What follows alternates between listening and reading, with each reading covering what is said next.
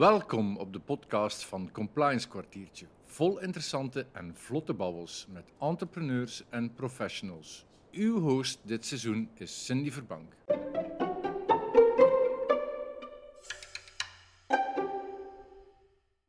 Dag Dirk, welkom. Dag Cindy. Bedankt om in te gaan op de invitatie. Ik ben er heel blij mee. Ik ook, blij om hier te zijn. Dankjewel. We gaan het vandaag hebben over uh, negociëren in alignment met integriteit. Hoe staat dat tegenover elkaar? Um, zelf vind ik uh, negociëren zeer boeiend, zeer spannend. Dus misschien kunnen we eerst eens uh, vertellen aan de luisteraar wie je bent, wat je doet en vooral ook wat negociëren precies is. Ja, ik heb eigenlijk gans mijn leven onderhandeld. alle soorten deals eigenlijk, zowel in de, voor grote bedrijven of voor zeer kleine bedrijven meestal in de financiële-economische sector in feite. Hè. Conflicten opgelost via onderhandeling en bemiddeling, dat is eigenlijk. En daarnaast heb ik een ganse academische carrière gehad uh, aan de Universiteit van Gent, de rechtsfaculteit en aan de Vleriksschool, waar ik uh, kleine twintig jaar gewerkt heb. Uh, ik heb ook mijn doctoraat gemaakt over het onderwerp onderhandelen. ik heb er mijn wetenschappelijke publicaties in gedaan. Dus mijn sterk punt zou ik zeggen is dat ik die ja, dat ik ken vanuit de praktijk. Hè. De praktijk is misschien de, de, de beste leerschool. Maar dat ik ook gans dat stuk over waarom is dat zo en hoe kunnen we dat verklaren, dat wetenschappelijk beestje heb ik ook. En die combinatie uh, ja, uh, is eigenlijk een hele leuke combinatie. Ook omdat, en dat is wat ik nu doe, je het eens aan mensen kunt uitleggen, samen met mensen kunt ontdekken hoe dat eigenlijk dat menselijk brein in elkaar zit als we onderhandelen. Dat is eigenlijk wat ik nu doe. Ik geef enkel nog trainingen in onderhandelingsvaardigheden eigenlijk. Mhm. Als ik aan onderhandelen denk, um, voor mij persoonlijk, denk ik altijd van ja, ik moet dat goed doen. Uh, ik mag niet weer mijn kaarten laten kijken. Maar je wil het, uh, ja, wil het ook niet te lang aan de oppervlakte houden, want je wilt resultaten boeken of toch tenminste krijgen wat je verlangt. En tegelijkertijd moet je ook uh, ja, beleefd blijven, dicht bij jezelf blijven, authentiek blijven. Zijn dat zaken die, die eigenlijk passen in een, in een onderhandeling? Wel, geraakt daar een zeer uh, goed punt aan, vind ik. De combinatie tussen integriteit en onderhandelen is moeilijk. Hè. Sommigen zullen zeggen, onderhandelen is de noble art of deception. Hè. De, de kunst van de, van de beïnvloeding, sommigen zeggen misleiding. En dat is eigenlijk voor een stuk waar. Uh, ten eerste, transparantie, volledige transparantie staat haaks op onderhandelen. Je kunt niet goed onderhandelen wanneer je een volledige openheid geeft of volledig transparant bent. Dat gaat niet.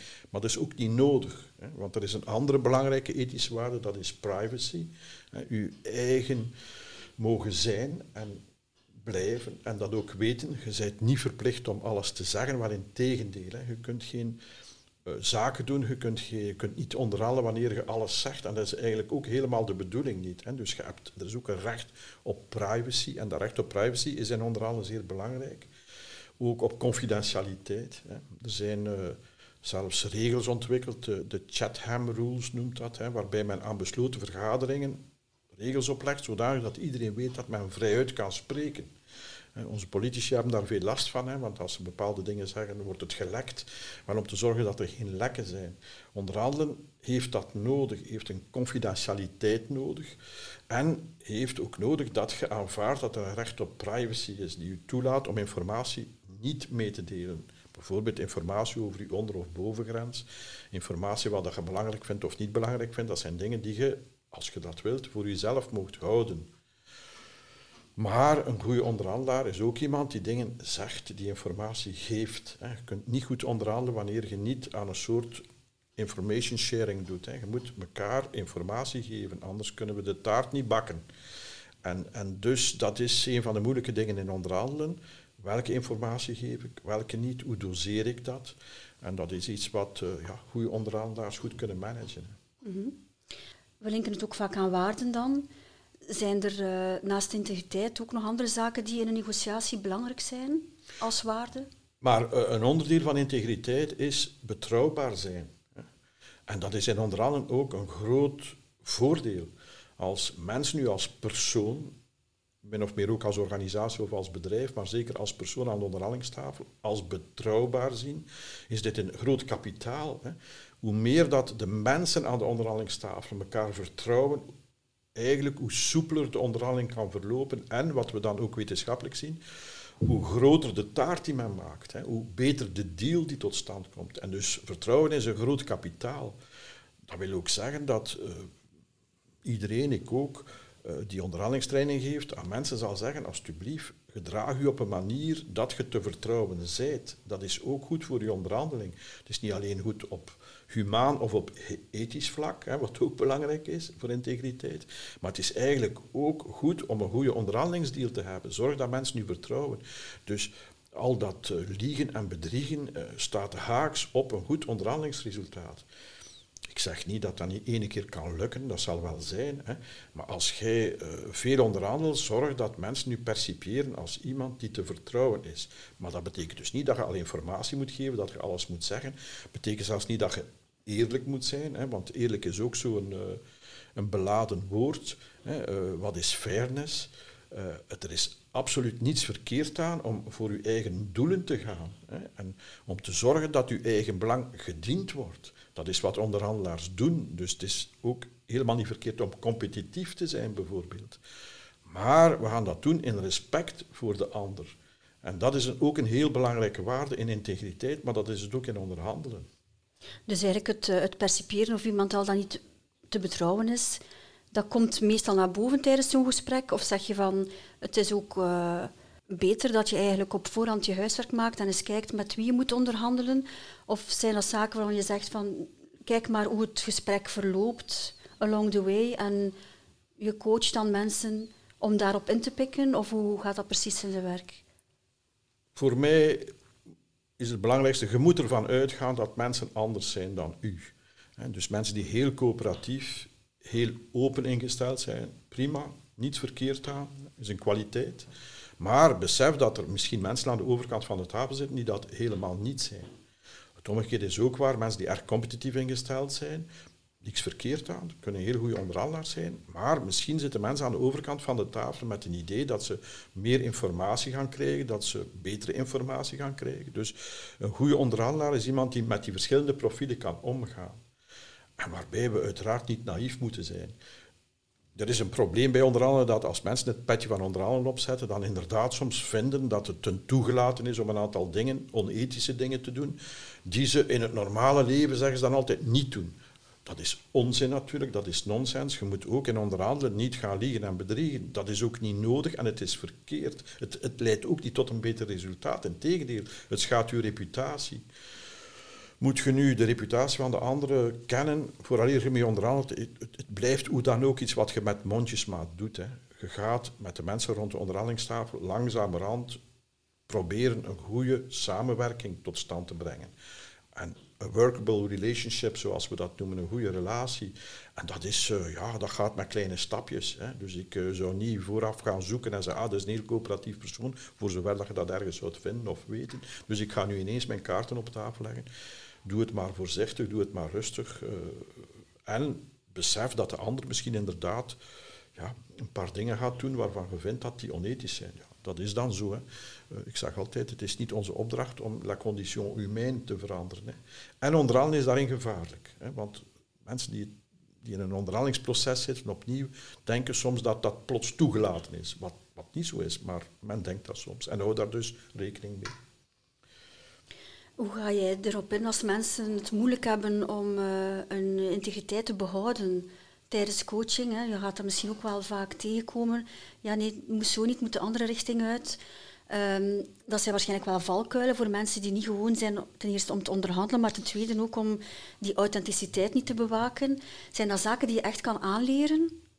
Ja, ja, tuurlijk. En het feit alleen al dat je wat ervaring krijgt, mm. dat je, zoals gezegd, wat gecoacht wordt, of dat je de principes, de tools van het goede onderhandelen leert kennen, ja, dat laat je ook doen om dat te internaliseren, om dat een stuk van jezelf te maken.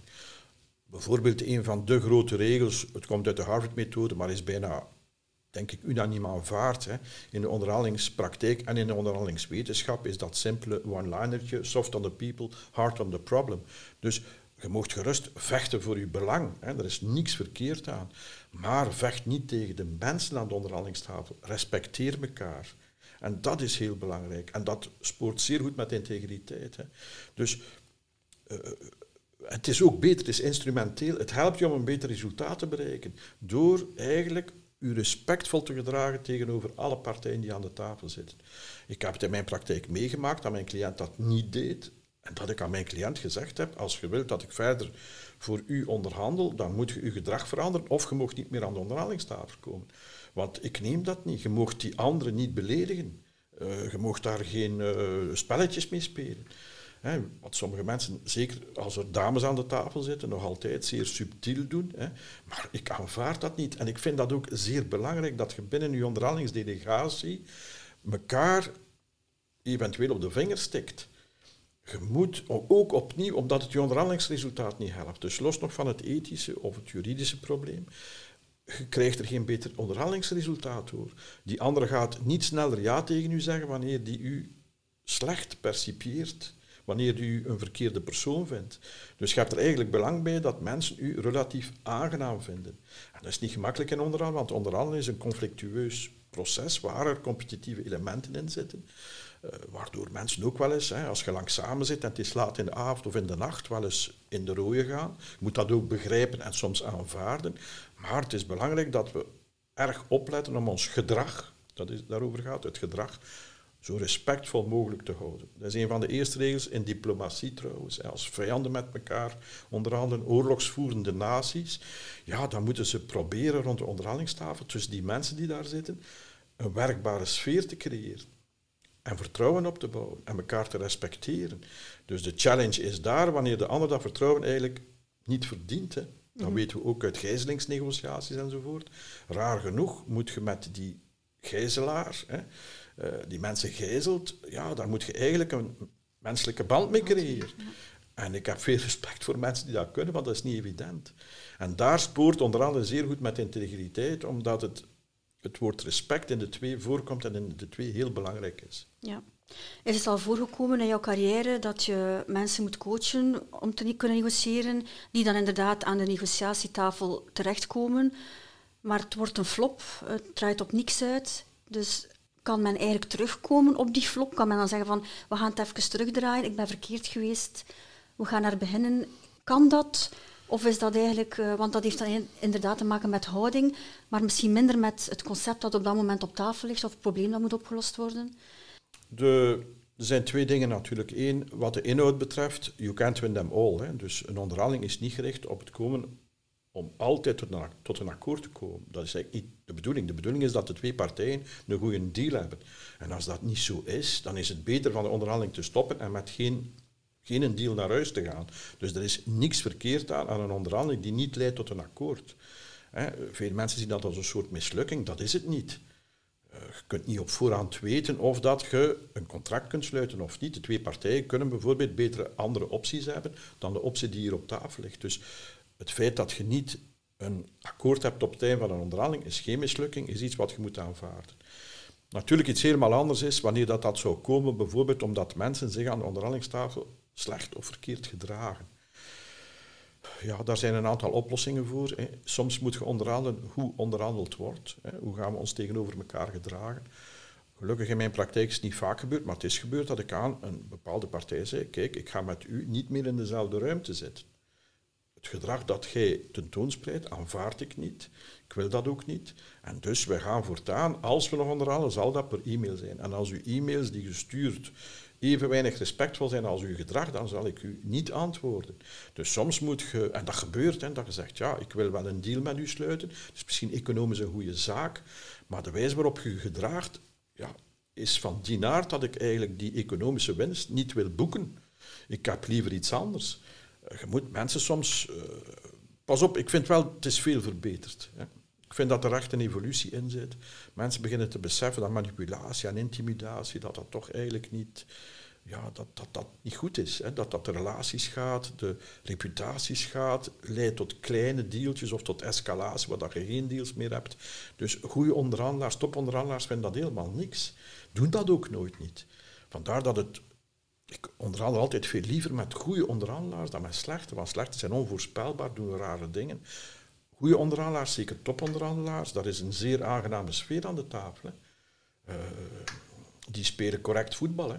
Barcelona speelt ook liever tegen, uh, ik zeg maar wat, Manchester City. Hè. Want dat is mooi, goed, constructief voetbal. Hè. Zo die pottenstampers die, die erbij komen, die, die maken brokken. En, en, en, en dat is niet plezant ook niet. En leidt ook niet tot beter resultaat. Zijn er een aantal tips die je kan meegeven waarbij je toch aandacht kan hebben voor integriteit tijdens het onderhandelen? Ja, dus in de eerste plaats, wat we altijd zeggen, ik zei het al, heb respect voor de mensen die aan de tafel zitten. Dus alles wat, alle, ook al die, die vuile trucken die men soms uh, propageert, hè, het, licht in hun ogen, zet ze op een klein stoeltje, geef ze niets te eten of te drinken, zet de chauffage over en dat soort onzin, dat is echt onzin, doe dat niet. Wel in tegendeel. Als je ziet dat iemand gestoord wordt door licht in zijn ogen, uh, doe de gordijn dicht en zeg, zie dat u dat stoort, alsjeblieft. Dat straalt ook af naar uw inhoud. Mhm. Mensen appreciëren dat. Dus zorg dat er tussen de mensen aan de tafel een zo goed mogelijke sfeer hangt. Wees vriendelijk en respectvol. Dat is de eerste grote tip. Maar je moet zorgen dat je voor je belang vecht. Hè. Dus het is verkeerd van natuurlijk heel toegeeflijk of vriendelijk te zijn in je inhoud. Dat is niet de bedoeling. Dat is niet wat onderhandelaars doen. Je moet zorgen dat je een goede deal hebt, ook voor u natuurlijk. En dat spanningsveld managen is iets wat sommigen kunnen, maar sommigen moeten leren. Dat is niet gemakkelijk.